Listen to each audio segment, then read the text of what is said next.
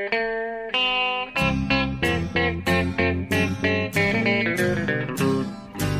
out there, we're on the air. It's hockey night tonight. Tension grows, the whistle blows, and the puck goes down the ice. The goalie jumps and the players bump and the fans all go insane. Someone roars, Bobby scores at the good old hockey game. Oh, the good old hockey game is the best game you can name. The best game you can name is the good old hockey game. Hallå, hallå, hallå, hallå, hallå! Då är det dags för ett nytt avsnitt av NHL-podden. Det är 138 måste jag ju påpeka det. Per Bjurman, hur är läget? Jo tack, det är bra. Jag känner mig i alla fall lite lugnare än vad du låter som. Ja, jag har förstått att jag låter väldigt forcerad här. Att, eh, jag, är lite, jag är lite stressad i kroppen fortfarande. För att, eh, vi får faktiskt... Eh, jag skulle vilja snacka på nu i två timmar för det känns som att vi har ett digert material i, i den här podden. Vi har mycket förberett och det är trade, lite trade-snack ska det bli och, och vi har ju stora nyheter att, att diskutera men jag har egentligen inte så mycket tid. Jo. Nej. Eh, skyll, skyll, inte på mig nu. Nej, precis. Nu, nu, får ni skylla på mina chefer här nu för att nu måste jag kastas tillbaka in till eh, webbstolen här för att hjälpa till med diverse nyheter. Lite manfall på redaktionen nämligen. Men ja, vi, jag lyckas övertala så att vi hinner med en podd i alla fall. För att vi kan ju inte avstå en podd den här veckan, det går inte. Det har ju hänt stora saker. För, tycker du att vi ska kasta oss in direkt eller? Ja, jag tycker du, du ska ta några djupa andetag till så att, så att det inte låter så här så, så stackars lyssnarna blir nervösa när de ska lyssna på podden. Ja, de håller på, de undrar vad som händer här nu när de går på sin morgonpromenad liksom. Och så är det någon galen ung pojk som håller på och skriker i lurarna. Ja, pojk var ordet. Ja.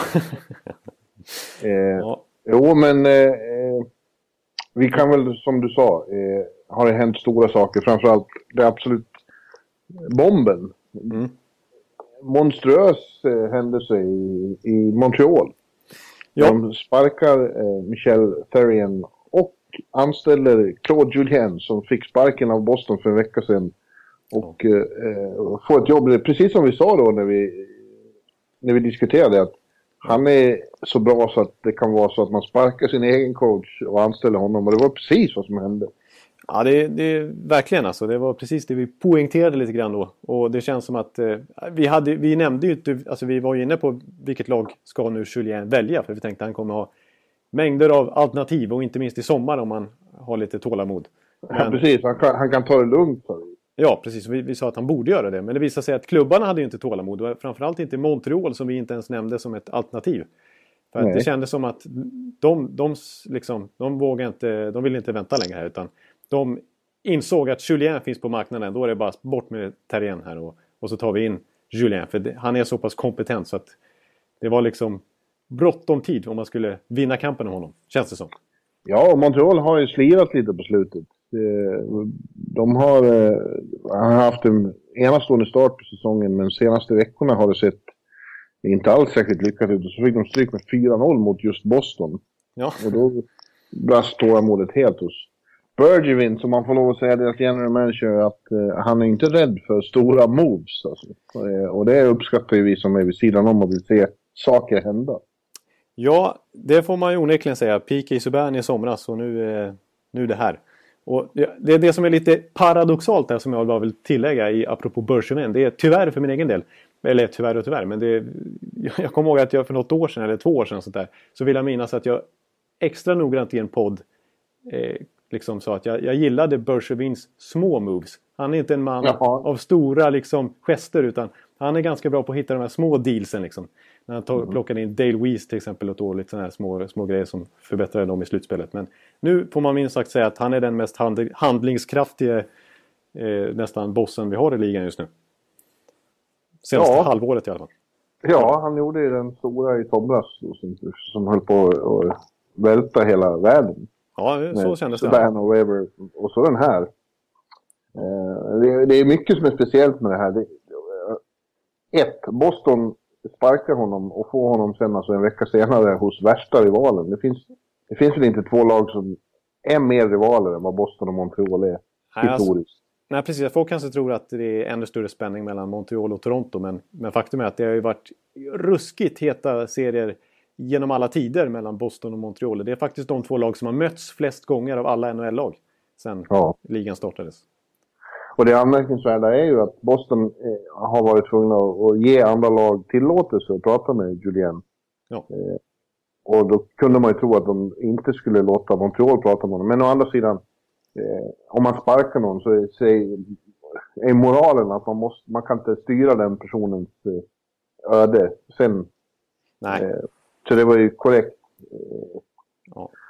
att, han fick, att han fick prata med Montreal. Men det är också intressant så tillvida att ja, 2003 fick eh, Mich Michel Therrien också sparken från Montreal och ersattes av Claude Julien. Ja, det är ju otroligt pikant alltså på många sätt och vis. Man kan ju eh, ta upp vilken tråd som helst. Det bara en sån sak är ju ganska anmärkningsvärt. Alltså det är exakt samma tränare som ersätter exakt samma tränare. Ja. Det... Eller ta vad som hände 2009 när Therrien fick sparken i, i Pittsburgh mitt under säsongen ersattes av eh, Dan Barsma och några månader senare vann Pittsburgh Stanley Cup. Tänk om det hände igen. Ja, just det. Just, just den detaljen av alla detaljer så har jag noterat att Montreal-fansen är mest noga med att påpeka. Ja. I hopp om att det här ska rädda dem. Eh, ja, alltså... Du sa ju tror det. Du, tror du dynamiken kommer att ändras mycket där nu i Atlantic? Kommer Montreal automatiskt att bli mycket bättre? Ja, jag vet inte faktiskt. Alltså, jag, jag måste säga att, eh, att jag inte nödvändigtvis tycker att Montreal kändes som ett Alltså spelarmaterialet känns som ett typiskt Claude Julien-lag. Eh, men eh, ja, kanske. För det känns som att det, det, är ju ganska stor skillnad i alla fall i tränarfilosofi mellan de här två gubbarna. Eh, ja. Therrien, Therrien är ju ganska på något sätt okomplicerad tycker jag i sitt stil. Och ibland kan det vara effektivt. Han är ju lite mer old school. Och, ja, verkligen omodern. Ja, och det, det, har funkat i den moderna hockeyn också. Det gjorde det i början av säsongen när de gick 13-1-1. Alltså historisk start. När de inte förlorade. De vann och vann och vann och vann. Och då var det det här Montreal som vi såg i slutspelet för ett par år sedan också. Så när de kallades för breakaway kids. När Carey Price stod på huvudet i målet. När försvarsspelet eh, var ganska kompakt och, de, och ganska liksom... Alltså väldigt strukturerat eh, Therian-mässigt och de kollapsade ganska mycket i egen zon liksom. Och väldigt disciplinerat. Och sen så stack de iväg på kontringar och var livsfarliga i, i kontringsspelet. Och det var de, har de varit stora del av den här säsongen också. Det är Therian Hockey. Det är hans typ av anfallshockey tycker jag. Det är rena, rena kontringar liksom. Men eh, det känns som att Julien är ju mycket mer av en possession-man. Han vill ju mm. kontrollera pucken. Det vill ju inte Terrien. Och frågan är om, om eh, Montreals spelarmaterial är tillräckligt bra offensivt. För att, för att Julien ska kunna få ut max av sitt sätt att se på hockey. Ja. Jag. jag. ser att då är Dan Augustsson på Svenska fans som är en av Sveriges ledande Montreal-supportrar. Ja. Han är inte så överdrivet optimistisk. Nej. Nej, jag, jag noterar det också. Och överhuvudtaget i Habs liksom, kretsar så är det väl... Det är väl framförallt positivt för att det var ju många som ville bli av med Terrien. Mm. Eh, och Julien ses ju även i dessa det lägret. Han är ju dels fransk-kanadensare liksom, och han har ju, han har ju ett Habs-hjärta och han, alla vet ju att han är en av NHLs bästa coacher. Han har det renommet. Men, men som sagt, det är inte bara positiva tongångar. Han var ju inte någon, det var ingen supersuccé när han var där, där senast heller till exempel. Nej, men det tror jag ju att de kanske stirrar sig lite blinda på. Han har ju blivit mycket, mycket bättre sen dess. Han har ju enormt mycket mer erfarenhet, har vunnit en Stanley Cup. Han är såklart en mycket mer raffinerad coach idag än vad han var då. Ja, och det, det, är en annan hockey. Det här var liksom 2003, 2004, 2005 ja. någonstans när det var hakningar och när det var inte lika mycket unga snabba spelare i NHL utan det var mer veteranernas liga. Eh, så det, det, det, ser inte ut på samma sätt. coacherna har tvingats eh, uppdatera sig ordentligt sedan den tiden också. Det har ju bara varit till Juliens fördel. Liksom. Ja. Att, eh. ja, nu sägs det också att Terrien, vilket har hänt förut i hans fall, han höll på att förlora rummet som det heter. Att spelarna inte längre ville spela för honom. Nej, precis. Det, det var ju faktiskt ganska... Det var, har ju varit rykten om det lite titt som tätt. Men nu kändes det ännu mer liksom... Eh, ja, dels nu när, när han fick sparken. Men bara för någon vecka sedan så var det ju, sipprade ju ut att, att Bergevin hade haft ett möte enbart med Shea Webber, Max Pacioretty och Carey Price. Där Therian inte fick vara med. Mm. För att diskutera den närmaste framtiden kring laget och så här. Och då det känns ju som att det är lite... Ja, där kanske började det på allvar liksom eh, börsen förstå att det är dags för en, en ny röst i, i omklädningsrummet. Ja. En ny röst i båset. Så att, ja. En, men ja, men det är alltså som du sa, det bara senaste veckorna har inte varit så bra för Montreal. Men sen den där 13-1-1 starten så har de faktiskt 18-18-7. Och det är ju högst mediokert. Det är ju inte ett facit som ett poängsnitt som räcker till slutspel till exempel. Nej, men just nu så eh, sitter de ganska säkert på ja. första platsen i Atlantic ändå. De skaffade sig så enormt försprång så att de har ju fortfarande sex poäng ner över till Ottawa. Ja. Visserligen med ja. fler matcher spelade men... Ja, och nio poäng ner till strecket. Det, ja. ja. det ska bli väldigt intressant att se i alla fall vad som händer. Eh, jag har någon sån smygande känsla av att Montreal ändå är någon slags contender. Ja, ja. Att det, att det blir final mellan Montreal och Chicago. Oj! Nej, vad, säger, vad säger jag nu? Ja, nej, nu, nu får du ta tillbaka. Nu, får, nu är det du som ska lugna ner dig. Ja. ja.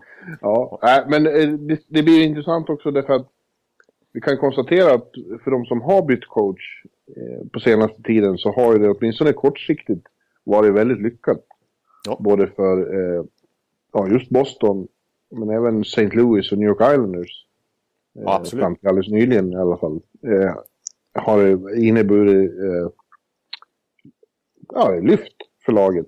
Ja, anmärkningsvärt. Eh, det brukar ju ofta vara sådana tendenser men det har varit väldigt tydligt i de här fallen du nämner. Liksom. Ja. Som den här säsongen. Islanders har ju tyvärr tagit något steg tillbaka nu den sista veckan. Men för, ja. innan dess så vart de ju plötsligt... Eh, ja, de är ju fortfarande väldigt nära slutspel nu. Ja, de gick ju från botten och uträknat och tank och lottery pick till att, som du säger, de, ju, de är ju med i slutspelsstriden nu i allra högsta grad. Ja. Det är de. Tre poäng från streck trots att de igår fick stryk med 7-1 av Toronto. Ja, det, det, det var ju... inte så lyckat. Nej, det ska ju nämnas i sammanhanget. Men, eh, Men Boston har ju vunnit allt sen, sen eh, Bruce Cassidy tog över. Och St. Louis har, har tagit fyra raka med eh, Mike Joe. Ja, där satte du uttalet också. ja, men Bruins är väl lite intressant också. Bara att stanna till lite där. För det, vi, det pratade vi så otroligt mycket om förra veckan. För precis då hade ju Julien fått sparken. Och eh, man var ju lite osäker på eh, Bruce Cassidy här. Nu ska vi inte dra någon som helst slutsatser efter fyra matcher. Eh, men man kan ju redan märka lite skillnad i spelet i alla fall. Eh, har jag, eller, eller spelspelet, men i, sättet, i tankesättet i alla fall. För jag, jag kommer ihåg att Don Sweeney och, och även Cam Neely, de känns ju lite som the, the old school Bruins som vill ha det här Big Bad Bruins liksom. Mm. Eh, men samtidigt, och det kändes lite som de sparkade Julien, att det var lite den hockeyn de ville återvända till. Och när man sett deras moves som de har gjort de senaste åren så har det varit mer åt Cam Neely-hållet än åt Julien-hållet. Eh, men eh, Sweeney och Neely sa ju väldigt tydligt på presskonferensen när han hade sparkats att, att de ville ha en snabb hockey nu. Inte nödvändigtvis tung hockey utan de vill bli rappare liksom. Och Ja. Ser man på vad Bruce eh, Cassidy har gjort här första veckan så, så har det varit åt det hållet. Alltså det har varit eh, alltså, som en sån grej att, att till exempel eh, han plockar upp Peter Cehlarik från AHL, den gamla, som var Luleå-spelare, talangen som var slovak som var i Luleå förra säsongen. Som ja. gjorde väldigt bra ifrån sig här i sina första matcher uppe i ligan. Det ser väldigt intressant ut och typiskt modern, ung, kvick spelare. Eh, flyttade ner, splittrade faktiskt på Pasternak eh, tillsammans med Bergeron och Martian där och lät återförenade med Krejci istället. Och just Cehlárik. Funkar väldigt bra. Och försökte få liv i Backes genom att slänga upp honom med Martian och Bergeron. Och det har sett bra ut också.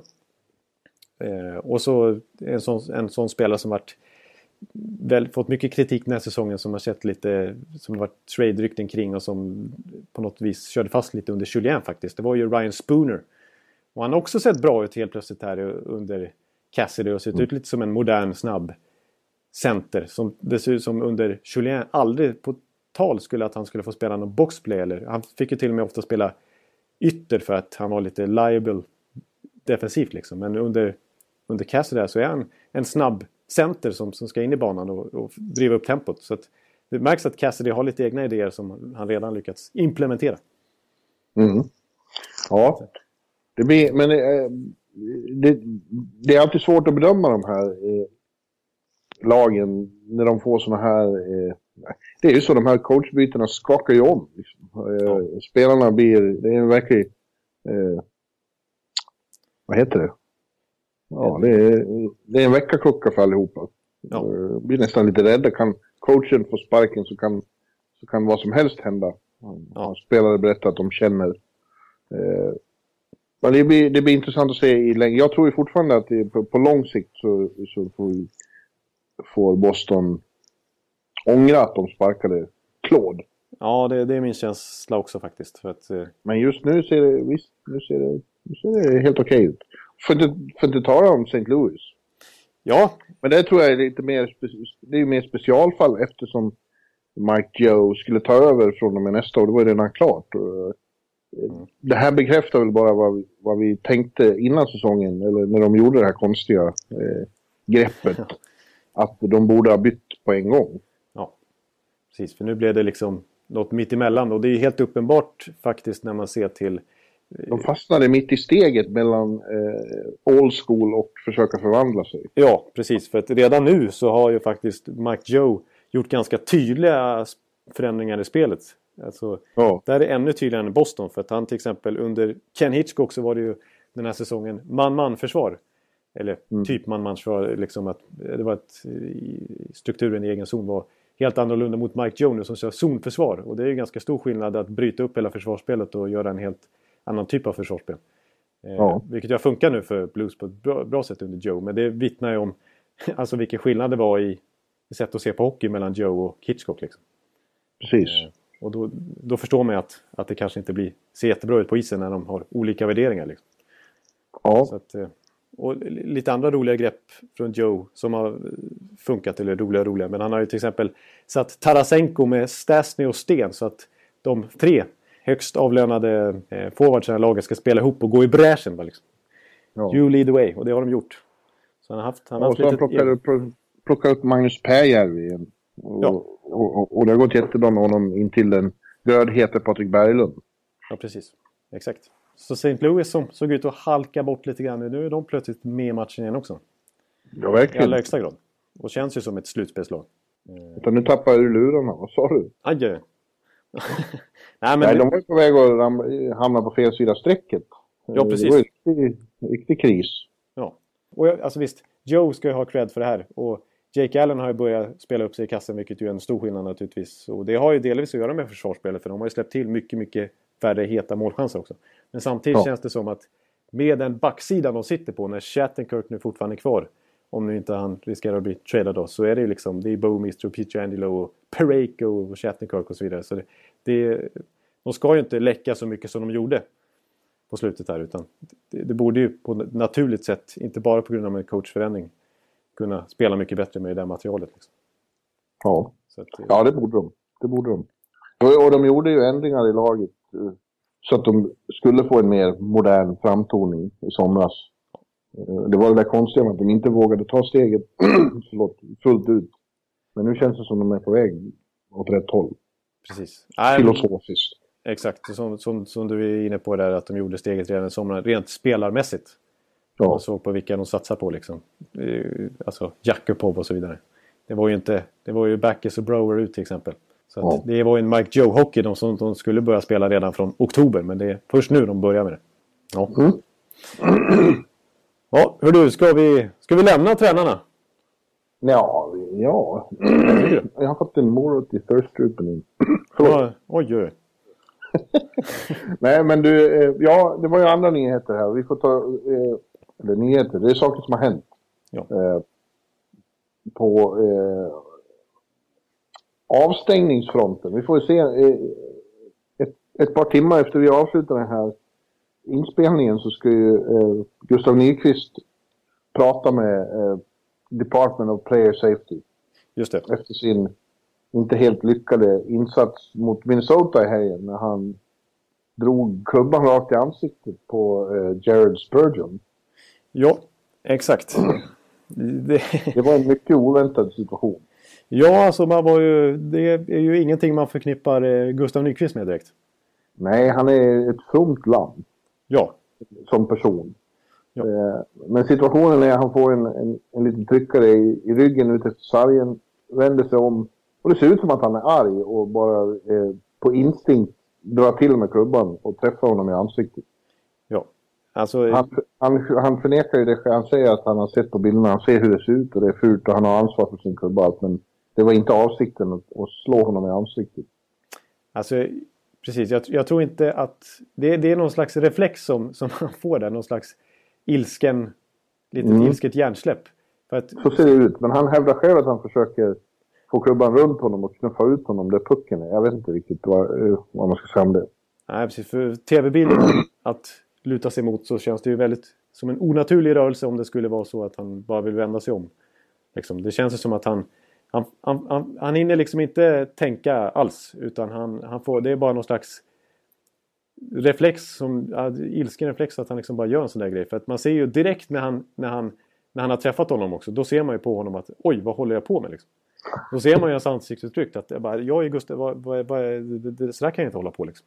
Vad är det för någonting? Han är, han är lik dig i sättet. Han ja, är ond. Just för att han är så långt från ondska som det går att komma. Men ja, så, som han själv Får konstiga infall och ångra sig lite grann ibland. Var, hur det nu än var så, så blev det som det blev. Och, eh, och han, som han själv påpekar, man har ju ansvar för sin klubba. Eh, och vad den tar vägen. Så att eh, han kommer ju att bli avstängd. Det kan nog bli rätt många matcher. Ja, jag tycker nog det ska bli rätt många matcher när det, när det, det är ändå så pass fult. Och visst, jag, jag förstår att Gustav Nyqvist inte är den typen av spelare som gör sådana grejer. Men det är, det är, ja, det är, ju, det är för fult för att det inte ska beivras ordentligt. När det, ja. det, är, det är ju inget snyggt att slå till någon med klubban i ansiktet med kraft dessutom. Nej, så det är verkligen inte. Det, det, det, är inte så bra.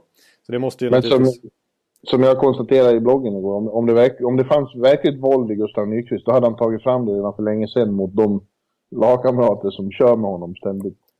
Ja, just det. Du, det finns, du, har, du har några exempel i podden där. Eller i ja. bloggen. Som på, på hur det kan gå till. Ja. ja. ja. men... ja nej, men det kommer att bli avstängning. Det är bara, bara att ta. Ja, och som, som sagt, när, när, många av er hör på det här så vet ni säkert om redan vad avstängning blir. Det vet inte vi just nu, men man kan säga att jag räknar med minst sex matcher för att eh, i och med att han blev erbjuden en in-person hearing, vilket inte är helt vanligt ja. att han skulle få flyga dit till och med, vilket han för sig nekade till, men att, eller nobbade den chansen då, men att han skulle få träffa dem eh, liksom, disciplinämnen motsvarande då personligen. Ja, att han inte ville komma hit till New York. Nej, det är ju märkligt. Han hade ju kunnat ta en eh, stänkare med det där kanske efteråt. kan man ju tänka sig. Ja, kanske det. Men, Men eh, du, apropå eh, konstiga reflexer så var ju Antoine Vermette ut med en sån också. Den ser ju helt sjuk ut. Den är ju om möjligt minst lika, eh, ja ännu konstigare för det är så det som Nyqvist gör, eh, om det är någon slags bortförklaring så är i alla fall att det sker mitt i brinnande hetta liksom. Ja. Medan eh, det som Vermette gör, det är ju liksom... Det är, det är bara helt obegripligt. Han står och tittar ett tag och sen rappar han till domaren på smartbeten med klubban. Ja, för att han, precis, han förlorar ju han blir, han blir förbannad över att teckningen eh, inte går rätt till tycker han. Ja. Och så står han kvar en stund och tittar och sen drar han till med klubban på... Ja, det är det som är så mäktigt. För att han, Nyqvist hinner tänka i 200 delar medan eh, Vermette står i fem sekunder. Och, och ja. sen får han för sig att äh, nu rappar vi till domaren. Här, liksom. ja, det ser så. otroligt konstigt ut. Och det blir ju automatiskt tio matcher direkt för man ger sig på domare.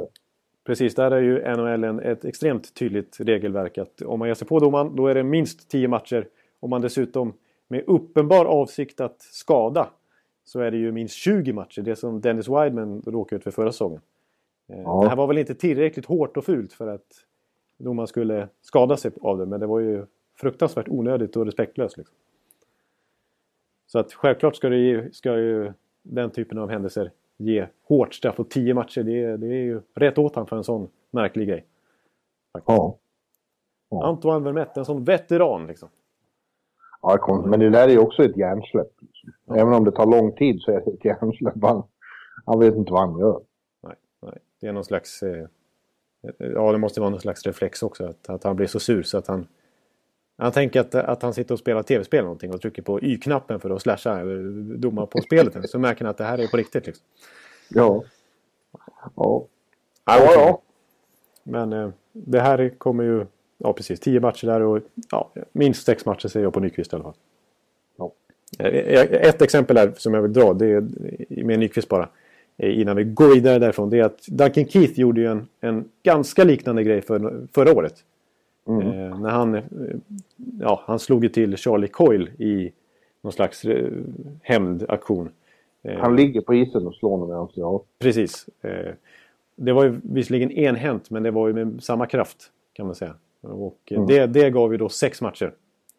Ja, och det var i slutspel. Nej, det, nej när han, han gjorde det mot Jeff Carter, har han gjort det i slutspel också. Då, då fick han bara en match tror jag. Men Charlie ja. Coyle var faktiskt precis innan slutspelet. Ja, men det... det ja, det kanske är precis. Det går i, ja, det, det har du rätt i. Det har du för sig helt rätt i. Det, det, den började, precis, så var det. Och normalt sett så är det, det har du helt rätt i. Och normalt sett så är det så att slutspelsmatcher är värda mer i avstängningsboken. Ja. Men det, det kom, då får man också räkna in att eh, Duncan Keith är återfallsförbrytare i de här sammanhangen. Det är inte Gustav Nyqvist. Det här är första gången Gustav Nyqvist har i närheten av ett samtal med den ja. eh, NHL. Ja, han har, han har det. precis exakt, han har aldrig gjort något i närheten på som har varit straffbart tidigare. Så att, Nej. Oväntat på väldigt många sätt. Ja. Ja, men du, ska vi gå vidare? Hur tycker du annars? Har, har det varit en trevlig NHL-vecka för dig? Ja, för dig har det varit trevligt. Tampa är nästan på väg tillbaka uppåt. Ja, precis. Det är lite bye week här, precis som för många andra lag. Eh, eh, och även för Tampa. Så att, eh, jag har haft lite lugnt på Tampa-fronten senaste tiden. Men de har ju fyra matcher med poäng, så att jag är nöjd. De är plötsligt lite lätt med i striden igen. Ja, att, ja bye week, ja det är det. Washington... Spelare vi känner i Washington, de är på Bahamas just nu. Jaså, det är det de är? Ja, precis. de, har ju, de har inga träningar och sånt där, så de har ju full rätt att sticka iväg på ja. vad de vill. Beckis och ytterligare några spelare med familjer ska åka till Bahamas. Ja. ja det låter jävligt nice. Ja, det låter sjukt nice. Eh, nej, men eh, Washington Montreal med... Det får ju dröja ett tag innan Julien får göra sin första match där och Boston har väl bye week bland annat också och Nashville tror jag faktiskt ja. har bye week också. Kanske de fler då. Det är lite... Eh, jag, jag, vi ska inte gå in för mycket på det för du har inte så mycket tid men... Det, det är lite speciellt med hur det har blivit i, i, i tabellen. För det är några som liksom har fastnat i ett eget ingenmansland och med all sannolikhet kommer vara kvar. Washington i toppen av Metropolitan till exempel. De har 84 poäng och närmast till Pittsburgh med 77. Ja.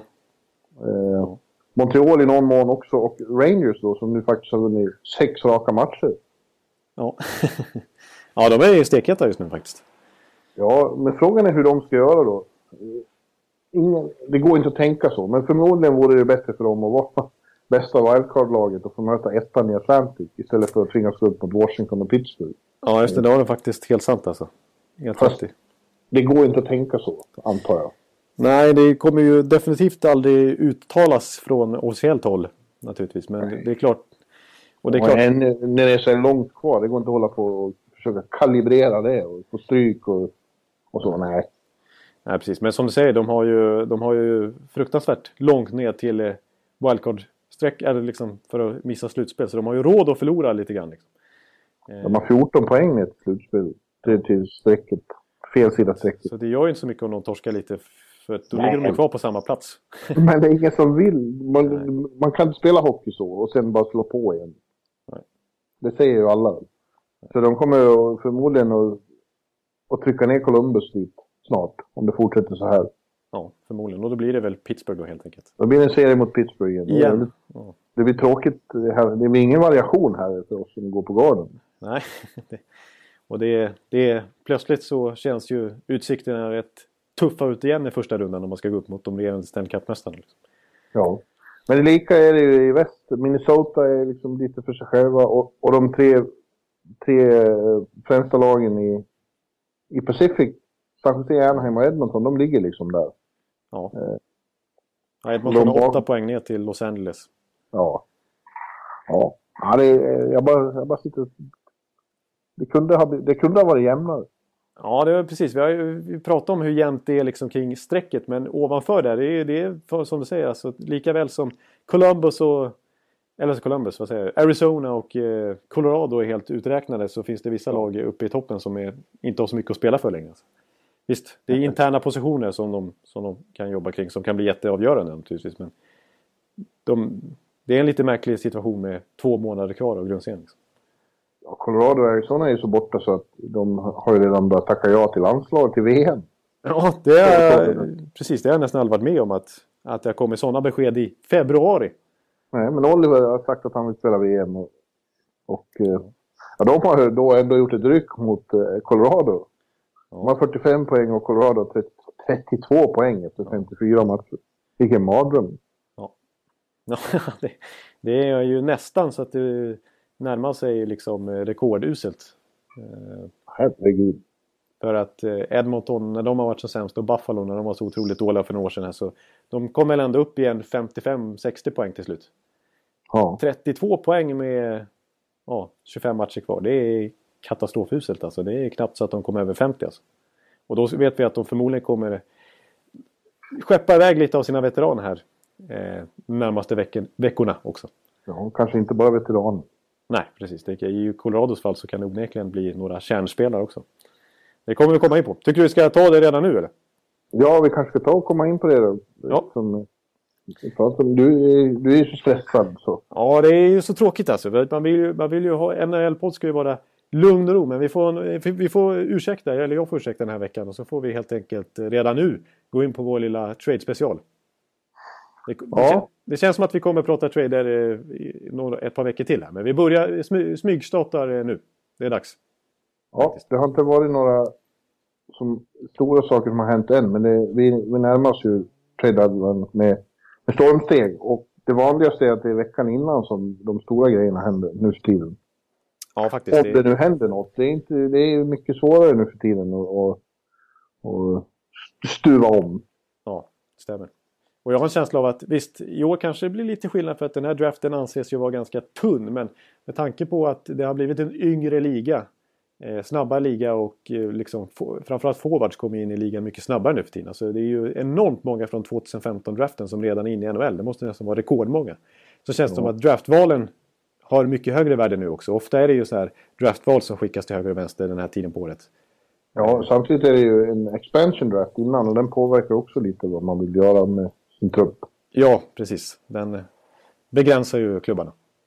Ja, ja men du, vi, vi pratade på förhand om att du skulle titta på, närmare på fem lag i öst och jag på fem i väst. Eh, som på olika sätt borde, borde göra saker ja. innan, innan deadline. Ja, vi, vi, vi höll oss till fem lag. Ibland eh, i den här podden så gillar vi att köra kronologiskt och ta varenda lag och gå igenom här.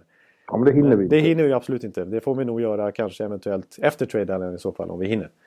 Men nu, alltså nu eh, tog vi fem lag var i varsin konferens helt enkelt. Ja, och på olika sätt kommer att vara inblandade i, på något sätt ja. i, i det som händer nu. Då, då ger jag scenen till dig. Du kan väl börja med ett lag i öst så tar jag ett i väst. Ja, vi kan jag köra varannan. Jag har inte hunnit gå in så hemskt djupt på det här måste jag erkänna. Nej. Så mycket annat att göra. Hela Men vi har det skrivit upp i alla fall lite grann. Ja. Eh, men eh, ska jag ta ett, jag kan ju ta ett lag i Ja, men jag kan börja då. Med eh, Toron Toronto har jag tagit. Ja. Eh, och jag har nödvändigtvis inte tagit lag som garanterat kommer hitta på saker. Men jag har tagit lag som jag tycker är intressant där inför trade deadline. Ja. Eh, och det är många lag som är intressanta. Men om jag börjar med Toronto så... De ligger ju faktiskt på slutspel just nu. Ja. Och, eh, men de är inblandade i, i, i racet och det är ofta framförallt de som behöver göra något. Ja, det, oftast är det, det är inte sällan det sker att man eh, vill ge en liten kick för att försäkra sig om att man verkligen eh, orkar med hela vägen in till när grundserien är slut och att man håller sig över rätt sida strecket.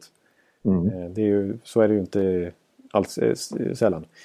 Toronto är ju, tycker jag, en speciell situation för att de är ju... Alltså, de har ju rebuildat nu i flera år. Och det här var ju liksom vändpunkten nu när de fick Austin Matthews i somras och när Mitch Marner och William Nylander var redo för att kliva in rakt in i ligan liksom, rakt från start.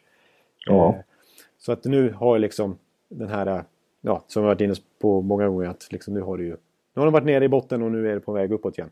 Och det har gått väldigt snabbt uppåt där, för den här, jag tror ändå inte att de flesta hade räknat med att Toronto skulle faktiskt ligga på slutspelsplats här i den, vad är det, 15 februari.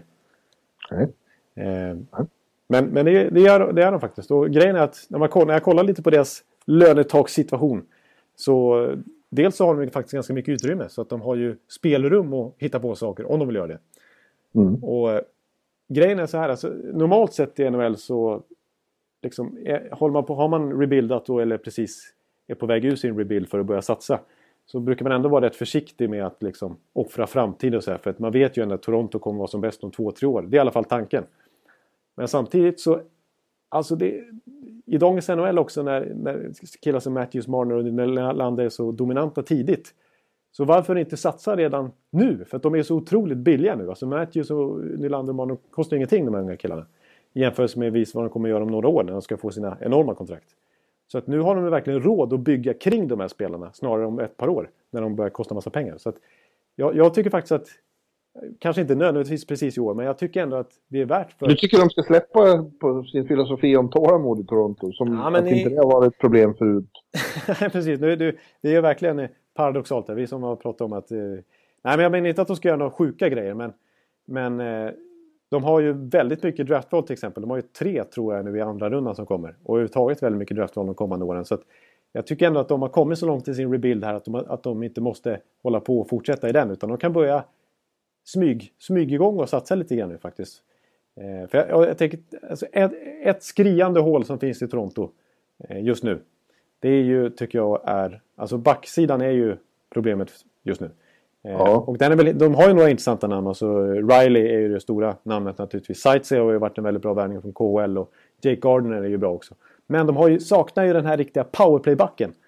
För att deras powerplay ska vara ultimat. För att de har ju otroliga komponenter i övrigt där med Nylander och Matthews på varsin sida. Men den där quarterbacken saknar de ju. För att Sightsee har fått testa där, Gardner brukar spela där, Riley har varit där. Men ingen har kommit upp i några stora poängsummor. Alltså den som har gjort flest powerplay-poäng bland backarna det är Gardner och Sightser delar faktiskt den på 8 poäng. Och det är ganska lite, får man säga. Väldigt lite jämfört med andra NHL-lag vad deras första backar har producerat i powerplay. Eh, och då tycker jag att de har ju löneutrymmet, de har pusselbitarna för att kunna gå för en sån. Som till exempel Kevin Shatterkirk. Mm. Och kanske till och med då förlänga med honom. För att tittar man på sikt så har de en ganska gynnsam lönetaksituation också. För att det är många kontrakt som går ut här. Det är, liksom, det är Roman Polak, det är Robida, det är Hanwick, det är Brooks Lake, det är Milan Michalek, det är Colin Greening. Om några år så är det Tyler Bozak och det är, ja, det är Lupul och det är Ben Reemstack och Komar och allt möjligt. Så de har ju, de har ju möjligheter att påverka sitt lag ganska drastiskt. Ja, så. problemet är bara att eh, de är inte precis ensamma om att söka den typen av back. Och Nej. Shattenkirk är ju eh, den som kommer att vara dyrast. hetast och dyrast. Och konkurrenterna, de som verkligen vill ha honom, kommer att erbjuda... St. Louis kommer kunna, om de nu bestämmer sig för att trada honom, kommer kunna välja och vraka rätt bra. Ja. Eh, och då, då behöver Toronto förmodligen ändå gräva i sin, i sin framtid. Och det har de sagt att de inte tänker göra. Nej. Nej så att det... för, för en sån quick fix. Nej, precis. För att... Eh, ja, Nej, men, och det, det, håller jag med om att de inte ska göra egentligen. Men jag tittar lite noggrannare på deras, alltså vad de har att tillgå, hur djup deras talangbank redan är. Och hur mycket draftval de sitter på. Och deras löntagssituation. Så tycker jag ändå att de har möjligheter att börja fixa redan nu. För att som sagt... Jaha, men om, men om St. Louis säger ja då ska vi ha eh, Nylander eller Marner. Det går inte. Nej, då är det ju tvärstopp. Men jag tycker Chattenkirk... Men det är det de kommer att vilja ha. Ja, det är klart att Chattenkirk... Ska, ska det vara värt för Blues, för då offrar de säsong... Alltså, de riskerar ju att offra sin säsong lite grann om de släpper Chattenkirk. Eh, ja. De, det skulle ju kunna vara St. Louis egen rental, så att säga. Att behålla honom och satsa på slutspelet här. Men... Eh, så det är klart att han kommer att vara svindyr. Men jag tror inte att, att Toronto ska behöva offra en Nylander för en UFA-spelare. En unrestricted free agent. Det tycker inte jag. Nej, det är klart de inte kan. Nej. Men, men eh, det är vad St. Louis kommer att vilja ha. det finns andra lag med Garna och kommer att erbjuda enorma saker. Förmodligen. Eftersom det är sån otrolig brist på den sortens backar. Ja. Nej, om man ska ta lite mer konkreta rykten kring Toronto. Visst, det är, det är surra som Shattenkirk. Men det är väl den som, den som nämns, har nämnts mest. Det är faktiskt Brian Boyle från Tampa Bay. Om nu Tampa Bay skulle bestämma sig för att vara sellers. Att få in mm. en rutinerad center och, och bredda laget med. Snarare den digniteten på spelare än den typen av stjärnor som jag surrar om nu. Och det ja. kanske är mer klokt i det läget, i det här läget. Ja. Ja, ja nu, nu tar vi nästa lag. Ja, och jag har inte eh, detaljstuderat som du uppenbarligen har satt och gjort här inför det här, eh, tyvärr. Eh, men ett lag som jag tittar på som förmodligen befinner sig i lite samma situation, eh, fast i väst. Det är Nashville då. Ja. Och om Nashville vet vi ju att eh, det har visat sig genom åren att det är bäst att vara försiktig. Att eh, deras kemi och, så är lite känslig där. Ja. Om man gör för stora ingrepp så, så, så, så blir, det, blir det förvirring. Ja, Cody Franson-fallet. Ja, men å andra sidan har ju Poyle inte varit rädd för att göra stora saker. Nej. Och de har ett väldigt bra lag nu, men det känns som att de skulle behöva lite mer spets om de vill gå långt i slutspelet. Ja, det håller jag med om. Och eh, ja, det finns ju... Det, det, jag läste rykten igår om att de, de tittar med lystna ögon mot Klippiga bergen. Ja. Och, eh, en Matt Duchene skulle de inte ha något mot att få dit. Frågan är ju vad det skulle kosta. Ja. Det är lite lika där. Skulle Colorado göra sig av med honom, då, då, då är det ju för, bara för att de kan få enormt mycket för Exakt, för de uppgifter som har sipprat ut eh, från Klippiga som du säger, det är ju att eh, Joe Sakic har ett enormt högt pris på både Landeskog och Duchene. Ja, och det är helt det, rätt. Ja, helt absolut. Rätt. Eh, så, att, så att han måste ju sig av med dem. Verkligen inte. I så fall att uh, få enormt, ja framförallt framtid från, för dem. Ja, precis. Och jag tycker så som de kanske gjorde bort sig lite grann i Ryan O'Reilly-traden när han fick Sadorov och Grigorenko som ju var spännande spelare men inga riktiga superprospect som man visste skulle bli bra. Eh, det har ju inte eh, liksom sett bra ut så här långt för Colorado. Så att ska han väl göra en, trada en jättestjärna igen nu så då, då, måste han ju få tvärtom. Då måste han bli lite överbetald ja. i, i, i, utbytet. Ja. Att, eh, ja. Men eh, ja, det, det, skulle behövas eh, förmodligen för Nashville om de vill gå riktigt långt. Ja, för jag, jag trodde mycket på Johansson där. Att, han skulle, att det skulle vara så pass mycket spets att det skulle lyfta dem ytterligare. Men nödvändigtvis han har varit bra men inte, någon, inte point per game och inte liksom den här absoluta mm. härföraren som de kan luta sig mot. Det har han inte varit. Nej, Nej. Nej men eh, som sagt, Poil, han gör ibland eh, oväntade saker. Stora saker. Så det blir, eh, det blir intressant att se för att eh, det är ett känsligt läge. Men eh, ja, Ja, varför, nu kommer jag inte på något att säga. Nej, men jag, jag, håller med, jag håller med dig. Och jag har en känsla av att det kan hända någonting där också. För som du säger, Paul, och så mycket rykten som det ändå varit om Nashville och just det här med att de är sugna på... Alltså när det börjar nämna sådana stora spel som Duchene, att de, att de, då, att de liksom är villiga att göra den typen av deals. Att de ändå ja. diskuterar det, för det verk, verkar ju mer eller mindre vara så. Ja. Så att, eh, de och, och det, känns inte, det, känns inte, om man tänker på en annan Colorado-spelare där som, som nästan med all säkerhet kommer att hamna någonstans, är ju eh, Jerome Eginla. Ja. Men det känns inte som en typ de behöver. Den, vad han bidrar med till något lag är ju framförallt rutin då, ledarskap. Och det känns ändå som de har så det räcker. Ja, de sitter på ett antal rutinerade spelare trots allt. Ja. Det, det, det, är inte där det brister. Utan det, Nej. Det, och han är för långsam för Laviolettes spelsystem också. Så att, ja, exakt. Så det, exakt. Ja. Men Nashville kan vara, de är ju definitivt, om de är något så är de ju en köpare. Absolut. Och de har mycket löneutrymme, vilket gör dem till en stark spelare här sista ja. veckan. Det tycker jag. Så att jag tror Nashville, Poil kommer att göra någonting. Sen får vi se om det är en fet grej eller om det blir att han, att han kanske plockar in en Vanek eller en Patrick Eves eller någon annan lite bredd slash spetsvärvning på forwards. Flexibility is great. That's why there's yoga. Flexibility for your insurance coverage is great too. That's why there's United Healthcare Insurance Plans. Underwritten by Golden Rule Insurance Company, United Healthcare Insurance Plans offer flexible, budget friendly coverage for medical, vision, dental, and more. One of these plans may be right for you if you're, say, between jobs, coming off your parents' plan, turning a side hustle into a full hustle, or even missed open enrollment. Want more flexibility? Find out more about United Healthcare Insurance Plans at uh1.com.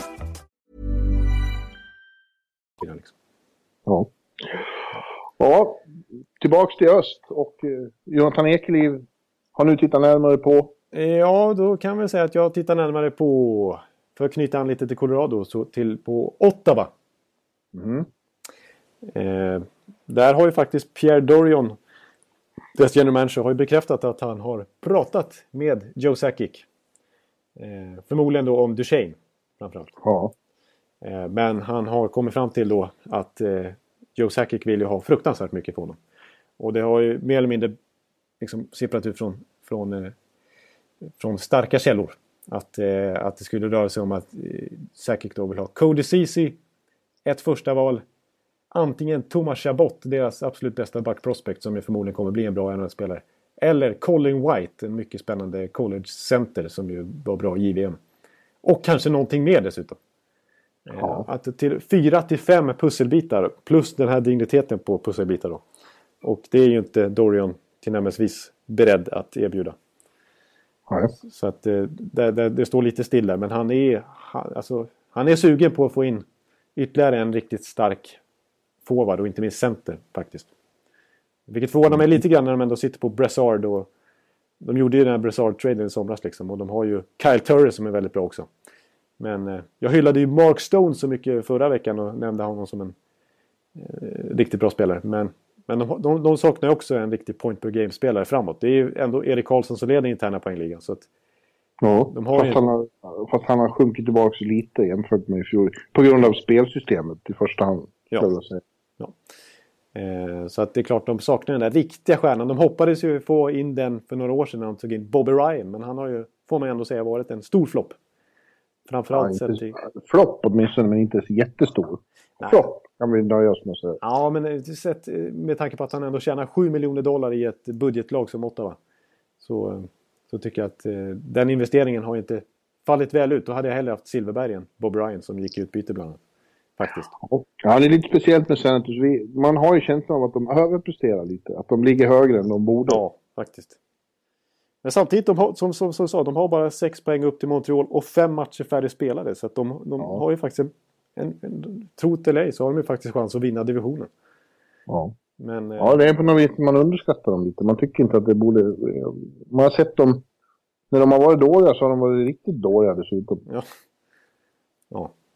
Det stämmer. Alltså man, och deras högsta nivå känns ju inte som att den... Den är ju trots allt inte i paritet med de andra contenderlagen. Liksom. De har ju Nej. Så den nivån kommer de aldrig komma upp till.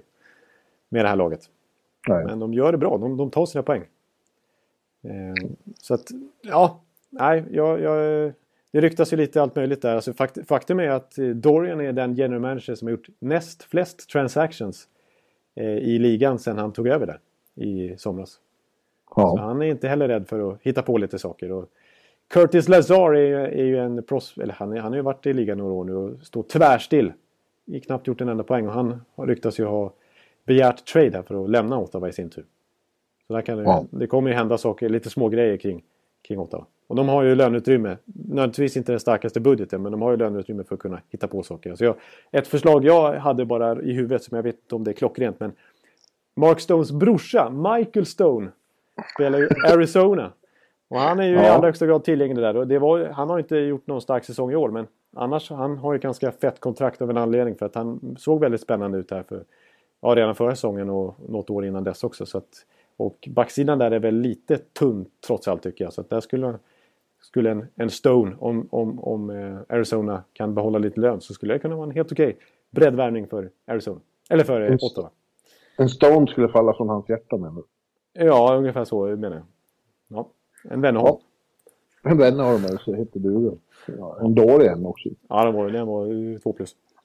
Ja, du, nu tar vi och tittar på ett lag som befinner sig i princip samma situation som Nashville rent tabellmässigt, men inte, inte hockeyfilosofiskt. Det är Los Angeles Kings som ju också skulle behöva göra en hel del ja. för att eh, säkra någon form av, ja, dels att gå till slutspel och dels kunna uträtta någonting där. Men jag tror att det känns som det är svårt, för det är så mycket som skulle behöva ändras i det laget, för de har fastnat i, en, i ett tanke... Ett, ett, ett, spelidéer som inte håller längre. Eller de har liksom material för att spela en hockey som inte riktigt eh, är Nej. gångbar just nu. Nej, precis. Och, då, och den typen av, och, och, som du säger, den typen av spelare är det de sitter på. Alltså Dustin Brown och, ja. och de här. Det, Problemet är att är inte, de har inte så mycket som de kan tänka sig att deala, föreställer jag mig, som andra är intresserade av. Nej, precis. Nej, de sitter ju på en ganska tunn prospectbank liksom. som inte är så attraktivt för andra klubbar. De har inte så mycket att fylla på med underifrån och de har väl de har ju lite draftval och sådär men det behöver de ju använda själv för att kunna skaffa ja. sig en, en prospectbank. Och det har de ju bortprioriterat under alla dessa Stanley Cup-år. Eh. Ja, och sådana som eh, Toffoli som blir restricted ja. vill de ju inte göra sig av med vad jag förstår. Nej, precis. För det, det, kan man ju tänka sig att andra klubbar pekar på att och han är intressant. Tanner Pearson. Ja. ja, visst. Men de är ju fortfarande med i racet så de vill väl inte... Eh, de tänker väl i första hand på att förstärka eh, ja. för i år. Och Lombardi där känns som en väldigt mycket en förstärkarkille. Han älskar att, att knyta till sig spelare inför vid deadline. Marian Gaborik och Jeff Carter har vi sett för några år sedan. Ja, men det känns som det blir väldigt svårt att göra det ja. nu. Vad de också behöver om inte Jonathan Quick kommer tillbaks kvickt och ja. eh, eh, är bra så är det problem med målvaktssidan också. Vi hörde ju själva hur han sågade Peter Buda i häromsistens. Ja, precis. Han var stenhård mot honom. Han är ja. Nej, precis. Det är väl ingen målvakt man kanske håller i handen om man ska ha ambitioner att vinna Stanley Cup den här säsongen. Nej. Då, då räcker ju inte det. Men som sagt, de, har, de, har, de är bakmunda av lönetaket. De har inte mycket utrymme där. Och det, trots det så är det som du säger, det ryktas mycket kring dem. Och ett, ett namn som det ryktas oväntat mycket kring med tanke på eh, vad de kan erbjuda utbyte, det är ju Landeskog. Ja. För att det är ju en Lombardi Sutter-kille liksom. Han är ju... Han, ja, visst, han, han, han, är ju en ung spelare liksom som har lite driv och, och liksom eh, snabb och sådär. Men som ändå har den här tyngden som kännetecknar LA Kings liksom. Och ledarskaps, ledarskapet liksom. Han är ju, ja, attityden. Ja. Det som de älskar. Så han skulle ju ja. passa som handen i handsken i, i det bygget. Men då, vad ska de, hur ska de kunna få honom? Ja, det är som du sa. Det vill ju säkert ha jättemycket även för honom. Ja, och då gröper de ur andra hål i sin trupp. Om de ska ja. få lite. Och då, då blir det ju inget av det liksom. Vad skulle det vara? Det skulle vara typ... Eh... Ja, då skulle de vilja ha Toffoli eller... Ja. Eller... Tanner Pearson är också restricted efter den här säsongen. De har ju problem med den här truppen, det ser man ju. Ja, precis. Och Colorado vill väl framförallt ha, ha liksom backförstärkningar också. Så då skulle de ju vilja ha... Ja, Jake ja, de, vill inte ha, de vill inte ha Dustin Brown. Nej, det vill de absolut inte ha. Nej, precis. nej, så att, nej, det, det är, fin, det är svår, väldigt svårt att se en fit där som Colorado skulle acceptera. Ja. ja, de befinner sig i en krånglig situation tycker jag, LA, överhuvudtaget. Och eh, lyckas de knipa en, en slutspelsplats så är det, det är så svårt att se att det här laget skulle vinna en enda runda. Nej, precis. Det tror inte jag heller att de gör. Och då kan det mycket väl bli så att de möter till exempel Minnesota i första rundan. Och sånt där. Ja, eller San Jose. Ja, eller San Jose. Precis. Och då, då, nej, det går inte. Nej, det går inte. Det går. Och det, det, är också... Det skulle krävas, som du säger, så stora saker för att de skulle förändra eh, slagkraften hos laget. Så att man, ja, man, det är väldigt svårt att se hur det, det skulle behövas, men det är svårt att se hur det skulle gå till. Nej, för det är ju... Ska det till dealar och sitta vid förhandlingsbordet så sitter ju motpart där som förväntar sig att vinna, gå vinnande ur det också. Och det, det, det, mm. där, där sitter de i en väldigt ogynnsam position. LA. Med det som Lobardi själv har åsamkat faktiskt. Mm. Ja. Back, to, back to East. Back to East.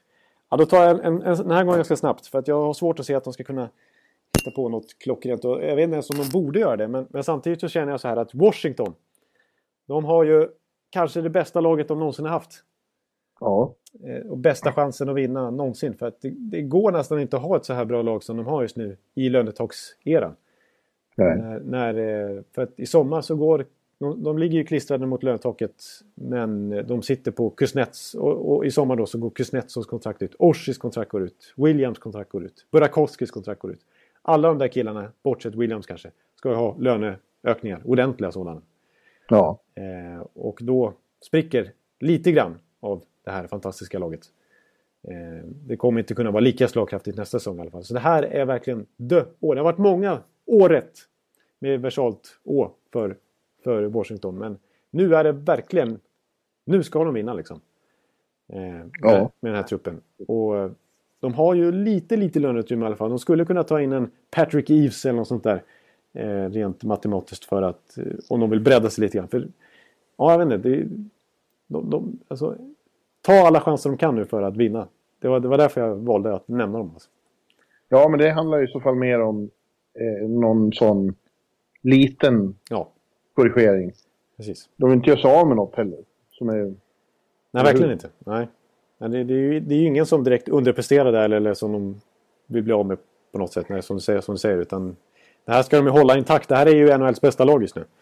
Ja. Så att, eh, och faktum är ju när man kollar lite bakåt om åren så har de, har, är de liksom... De gör ofta så att de tar in någon liten spelare vid deadline.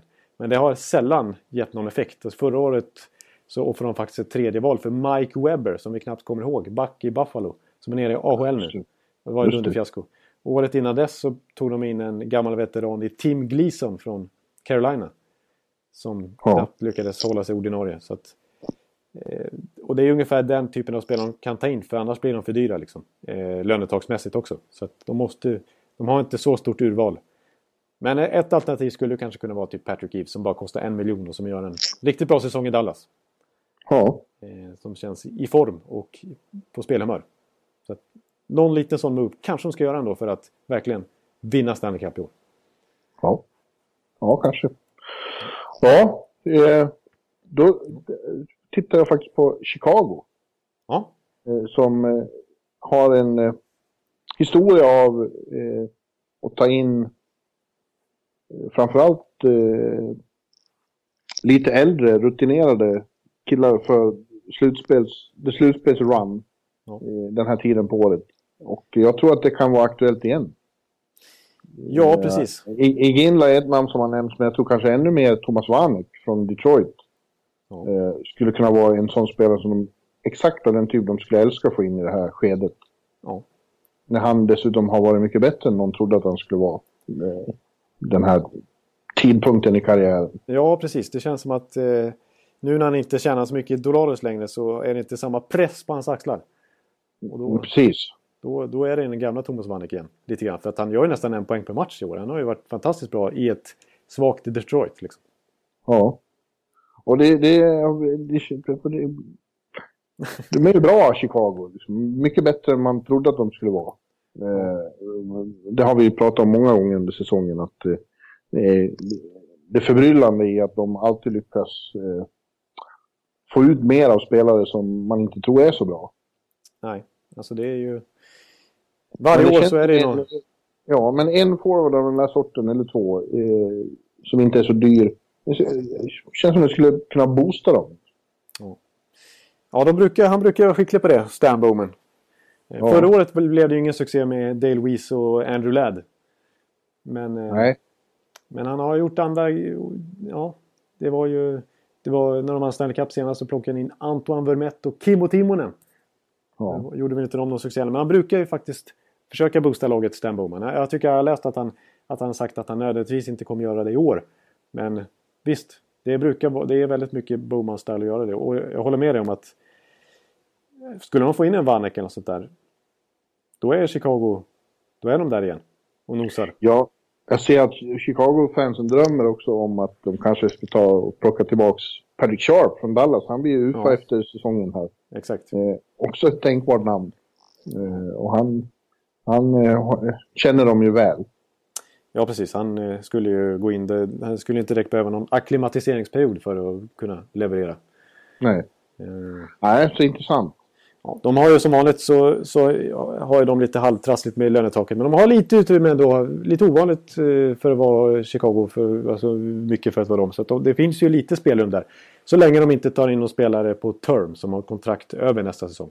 Exakt, men det är, det är, det är inte det de riktigt är ute efter. Nej. Den här tiden. De är, de är, ja. ja. Och det, det, finns ju några intressanta. Det är som du säger Vanek, eh, Sharp, Hansal, eh, Eves. Matthew mm. Perrault kanske från eh, Winnipeg. De har ju en, oh. Man brukar ju deala ganska mycket där med Chevel Dayoff i Winnipeg. Så det skulle kanske kunna vara något. Att, oh. ja, jag, jag, förväntar mig absolut att Chicago kommer försöka göra någonting. Bra. Att, och ja. eh, ditt fjärde lag i, i öst, eh, vilket är det? Ja, då kan jag väl ta då, eh, då säger jag helt enkelt Florida Panthers. Ja, mm. Eh, som jag tycker, ja de, också, de ligger ju utanför slutspel nu och de har några poäng upp och det är några lag de måste passera. Det är ju Boston och det är Toronto kanske och det är Philadelphia möjligtvis beroende på om de lyckas knösa in i Atlantic eller om det blir wildcard. Men de är ju på gång nu. De har sett bra ut senaste tiden och framförallt har de ju fått tillbaka både Barkov och inte minst Huberdo. Som ju varit borta mm. hela säsongen men som kommit in på ett väldigt bra sätt här. Tagit några fina by, by the way, deras största stjärna fyller 45 år idag. Ja, det är ju helt sjukt stort ju. Ja. Det gör det. Så hurra för Jaromir Jagr. 45-åringen. Det, det måste vi, ja det var ju nästan skamligt att vi inte har nämnt det än. Det är ju jättestort ju. Jaromir ja. Jagr 45 år. Oj, oj. Vi måste spela låten i slutet av avsnittet som en hyllning. Ja. ja. Men, eh, nej, men det ska vi säga om Florida att de är lite på gång och de sitter också på Capspace. Och eh, eh, om jag tyckte att, om vi sa att Pierre Dorian har gjort näst flest transactions eh, senaste året så är ju faktiskt Florida de som har gjort mest. Sen i somras i alla fall. Så mm. de är inte heller rädda för att göra saker där med Tom Robo, Dale Talon och, och hela det gänget. Så att... Eh, och, ja, och de är väl ute efter några stats darling som ingen annan ser. Ja, det brukar ju vara så. Storheten hos. Precis, och de, alltså förra året och, så gjorde de... Och vad finns det för sådana då? Ja, det borde jag ha koll på. Ja. Nej men... Ja, alltså jag vill bara nämna att förra året så gjorde de ju samma sak. Då, då gick de ju och plockade in eh, Jiri Hudler och, och Teddy Purcell och Jakob Kindle. Och, de var ganska aktiva där vid deadline. Eh, och de har ju förutsättningar att vara det i år också. För nu är de ju faktiskt relativt skadefria. Och på gång. Och har löneutrymme för att plocka in rentals. Mm. Och har en historia av att göra det. Så jag förväntar mig faktiskt att Florida ska göra saker nu. Och de skulle ju faktiskt kunna gå efter lite större pusselbitar också. Alltså typ, inte Shattenkirk men de har ju råd, de har ju råd med Sharps kontrakt till exempel. Och, om de skulle vilja ha honom. Och, ja. Det finns ju en liten Dale Talon-koppling där kommer jag på just nu. Om det nu säger någonting. Men... Eh, ah, jag, jag, jag, tänker mig att skulle de vilja göra en stor trade också så, så skulle de, de... Dels sitter de på lite draftval och lite hyfsade prospects. Men de har ju också en sån som... Alltså jag kan tänka mig att en sån som Bjugstad skulle kunna försvinna i en trade. För han har ju kört fast lite i Florida nu. Men jag kan ändå tänka mig att han har ganska högt värde en ung center med 24 måls säsong bakom sig. Liksom. Ja. Eh, som bara gjort två mål i år och varit skadedrabbad. Men som det känns som att de har halv, halvtröttnat på lite i Florida. Men som jag tror skulle kunna ge, generera ett ganska hyfsat utbyte om de, om de vill vara på den, det humöret. Så att, att jag, jag, jag, tog upp Florida i alla fall för jag tror att de, de är ett lag som har väldigt mycket förutsättningar för att vara aktiva. Och de skulle kunna gå efter alla möjliga typer av spelare. Ja. Så att eh, alla möjliga vi har nämnt i hela programmet här skulle kunna vara aktuella för Florida. så att eh, jag tror att de kommer att agera. Och jag tror att de är sugna på att göra en liten push i år också. Ja. Om de väl lyckas ta sig till slutspel. Ja. Dallas Stars var vi inne på lite här om att Sharp skulle kunna vara tänkbar åka tillbaka till Chicago. Ja. Men det finns fler. Eh, befinner sig i en speciell situation. De håller på att tappa mark där i, i slutspelsracet. Och det, de är nog väldigt eh, oklara på om de är köpare eller säljare. Eh, men det, man har ju väldigt många UFA så säsongen har inte alls blivit vad man trodde hoppades i Dallas. Eh, som vanligt, som vanligt eh, nu har de inte varit riktigt så dåliga som de var förra säsongen. Niemi och Lehtonen. Men på lång sikt och om man ska, även om de liksom hakar på här på slutet så ska de in i slutspel behövs det en till målvakt. Och det det pratas om hela tiden är ju då antingen Flurry, Pittsburgh, mm. eller eh, Bishop, Tampa. Ja. Eh, och det är ju inte otänkbart att det händer på något vis. Nej, ja, nej, Dallas tycker jag är svårt. Jag, jag, jag, tycker nog att de ska vara sellers ändå. Alltså. Ja. Jag tycker nog inte att de ska försöka göra någon avancerad trade för att stärka upp målvaktssidan till exempel som är väl mest akut. Men eh, den här säsongen har bara varit skit för dem. Liksom. De har inte haft någon tur med någonting. De har varit, eh, liksom, det är framförallt skador som har ställt till det ordentligt och djupet har ju... Jag menar, de räknar väl med att Nishushkin till exempel ska vara med och då sticker han till KHL precis innan säsongen. Ja. Och så Jan Mark som missar hela Jan säsongen. ja. Och så hemskt ska jag bara spela en match och spetsa skadeproblem. Och, nej, det, det har inget, inget har gått deras väg riktigt. Så jag tycker att de, det är lika bra att ge upp istället för att fortsätta hoppas. När det känns som att det ändå ja, sarg du, kantboll ut liksom. Du nämnde Eve eh, som en sån här som känns som att man kan få rätt bra för ändå. Som, som många skulle vilja eh, stärka sin bredd och sitt djup med. Ja. Han är en sån. Och Johnny Oduya som Bufa är också, har det varit mycket prat om att han till exempel skulle vara en väldigt bra fit i Pittsburgh. Han skulle kunna vara årets eh, svar på... Eh, Trevor vad hette han? Ja, Trevor Daley. Ja, alltså, Det tycker jag känns väldigt intressant med en sån defensiv superexpert som Johnny. Ja, ja, Go- sitter ju väldigt nära på näthinnan här i hans eh, 2015-slutspel med Chicago när han eh, Ja, satt ensam på kanten på någon liten egen bänk för att han hade så ont i någon, Jag tror han, han spelade med någon skada men ändå så var han felfri ute på isen. ja. Så att, eh, Det här måste ju vara intressant. Ja, för till exempel Pittsburgh.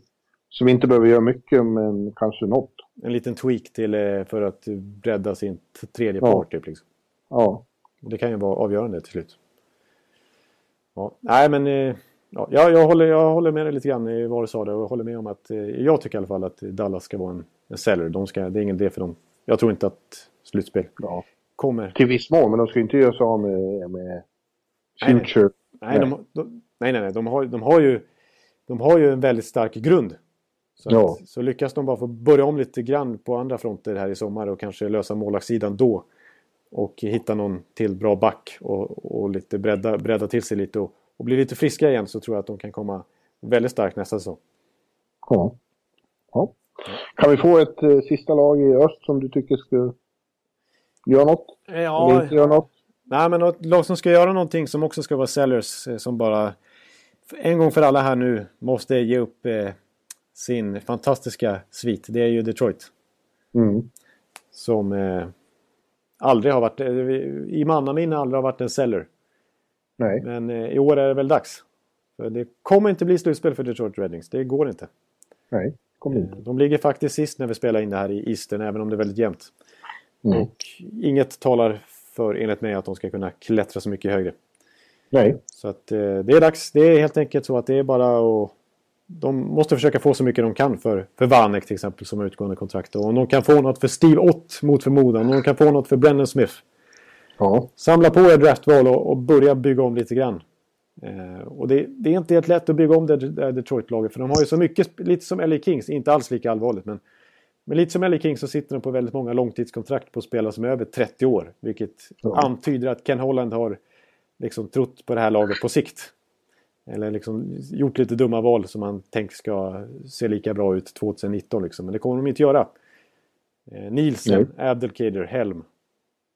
Och så Mm. vidare. Eh, E- Jon, Jonathan Eriksson. Henke Zetterberg gör ju en väldigt bra säsong i år. Men eh, ja, det, här, det här laget blir tufft att bygga om snabbt. Ja. Det är ingen quick fix det här. Men det, de måste börja någonstans och de kan inte hålla på och försöka hålla den här sviten vid liv när det inte kommer gå. Då är det bättre att förbättra sina chanser på sikt att kunna lyfta. Ja. Kanske, kanske till och med gå så långt som eh, och titta på om någon vill ha den nu avstängde Nyquist. Eh, han, är ju, han ingår ju i, i prospectpoolen fortfarande på något sätt. Han ses väl som ett framtidsnamn men det har inte blivit, det har inte varit någon bra säsong för honom. Nej, både han och Tataro och de här Jurko och eh, De Kaiser och den här som skulle ta över som den nya kärnan. Kanske vid det här laget hade de hoppa- hoppats på. Har ju stått stilla. Även, alltså jag menar, Tataro är ju ett sånt exempel också. Glenn Denning, Shahan. Alltså det, Mm. det är väldigt många som inte har tagit nästa steg där. Vissa som till och med backat liksom. Mrazek, inte minst. Så att... Ja.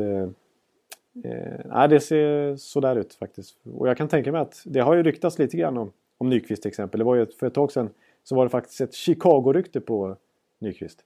Att, Ja. att det är någon lite småavancerad lönetagstrade. Att de ska kunna fippla in Nyqvist och offra något annat eh, till Detroit och kanske lite draftval. Så här. Det tror jag kanske inte kommer hända. Men det, det spekuleras. Det, det går i alla fall rykten om både Tatar och Nyqvist.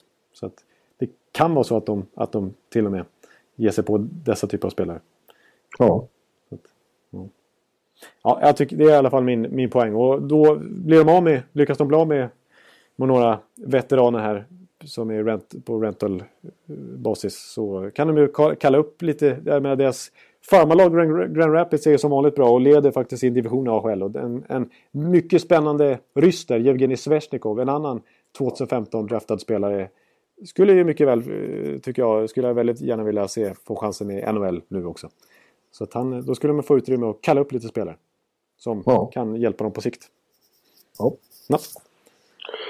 Och avslutningsvis för min del, vi, vi, ett lag som befinner sig i samma situation fast i väst och, och det är ju Arizona. Då. Vi pratar mycket om att Colorado har många att, att erbjuda där ute, men det är ju lika med Arizona.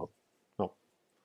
Och det finns ju, ja, de kommer inte att röra sina, eh, sina kids, Max Domi och, och The Duke och sådana, de behåller de ju såklart. Ja. Men i övrigt så är det nästan alla eh, tillgängliga. Och den det pratas allra mest om är ju Martin Hanson.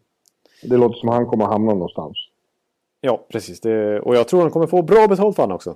De lyckades ja. få ett, ett första val för Vermette för ett par år sedan. Och han ses som en ännu bättre spelare. Och eh, kommer nog passa bra ett slutspel också. Han har inte varit där så många gånger i sin karriär. Men det känns som en kille som... Han är ju en av NHLs bästa spelare faktiskt framför kassen i powerplay till exempel. Ja. Och eh, klar, behärskar ju ett hyfsat tempo i spelet trots att han inte är så snabb själv. Så det känns som att han kan anpassa sig till en, en contendermässigt lag liksom. Ja, vad tror du han hamnar då? Ja, vad ska vi säga där? Ja. San Jose. Ja, det har jag inte tänkt på, men ja. Edmonton. Ja, Edmonton skulle passa bra där. Ja, eh, skulle det. Jag har ju... Ja. ja, det känns som att Montreal skulle kunna vara intresserade. Kanske. Ja, absolut. Eh. Absolut. Ja, en annan är ju evighetskojoten Shane Doan. Som, eh, det låter som att nu, nu sker det så sker det nu. Att han hamnar som rental någonstans. Ja, han har ju spelat i samma klubb då sedan 96. Ja. Sen han kom till Jets då. Innan de flyttade ner till Ja. Han är UFA nu. Det skulle vara perfekt läge att vara just rental någonstans. Där det finns möjlighet att få vinna en Stanley Cup. För det kommer han inte få göra med Arizona. Nej, det, det är lite... Både Dono och Iginla är så pass... De håller ju inte Jagger-klass i, i, i, sin ålder längre här. Nej. Utan de har ju faktiskt ganska uppenbart eh, sjunkit ett antal hack. Men båda, kan båda ligger väl omkring 10-12 mål den här säsongen åtminstone. Och eh, är ju fortfarande inte helt oanvändbara för ett lag. Och just det här med rutinen som kanske vissa lag prioriterar, det, det kan de ju bidra med i alla fall. Och, och, just den här känslan av att man vill vinna för dem också. Det kan ju också vara en, en motivationsfaktor som inte ska Precis. underskattas totalt. Nej, att, eh, eh, skulle då nu till slut få för sig att bli tradad, vilket ju verkar inte helt omöjligt, så är inte det, ser inte jag det som en helt dum värvning. Faktiskt. Nej. Inte så dålig boxplay-spelare heller. Så, så att, så fortsätter jag drömma om det. Det kommer inte hända, men jag kan väl få drömma om att någon spränger banken för Oliver Ekman Larsson. Så inte det blir något VM för honom, utan han får spela i ett bra lag. Det skulle vara så underbart att se. Men, men eh, ja, ja det, sånt händer inte. Nej, och det känns som att John Shaker och gänget där, de har ju ändå försökt, de, alltså det, de jobbar lite i motvind, men de försöker ju ha stora ambitioner för det här laget. Och då vet de ju mycket väl att Oliver Ekman Larsson är en pusselbit de inte kan rucka på. Han är otroligt viktig för dem. Tråkigt för honom. Ja, det är tråkigt, tråkigt för, för Oliver i högsta grad. Ja. ja nu tror jag ja. att eh, våra mina ja, redaktionskollegor här börjar bli lite eh, förbannade. förbannade här. Ja, precis. Så nu, nu får vi abrupt här eh, tacka för oss. Men det blev en hyfsat eh, måttig poddtjänst i alla fall. Ja, men vi tar och avslutar med låten för Jagr. Ja, men det känns som en, eh, en mycket värdig avslutning i alla fall. Ja. Så att, eh, grattis Jaromir Jagr. Nu kommer det. Nu får ni vara beredda, för nu, eh, nu säger jag Jaromir Jagr. Jaromir Jagr. Jaromir Jagr. Jaromir Jagr. Jaromir Jagr. Jaromir Jagr. Jaromir Jagr. Jaromir Jagr. Jaromir Jagr. Han har varit bra överallt han har varit. Han har varit älskad av lagkamraterna, av fansen, av journalister. Han är en av de bästa man kan ha att göra med på alla sätt och vis. Man hackar inte på Jagr i den här, i den här podden. Det ska jag tala om. men... Ja, vad, vad, vad, säger du om hans eh, val att skriva på för Philadelphia? En av mina absoluta favoriter som du ja. fan inte får hacka på. Jaromir Jagr. En legendar och ledare och rutinerad. Jaromir Jagr. Jaromir Jagr.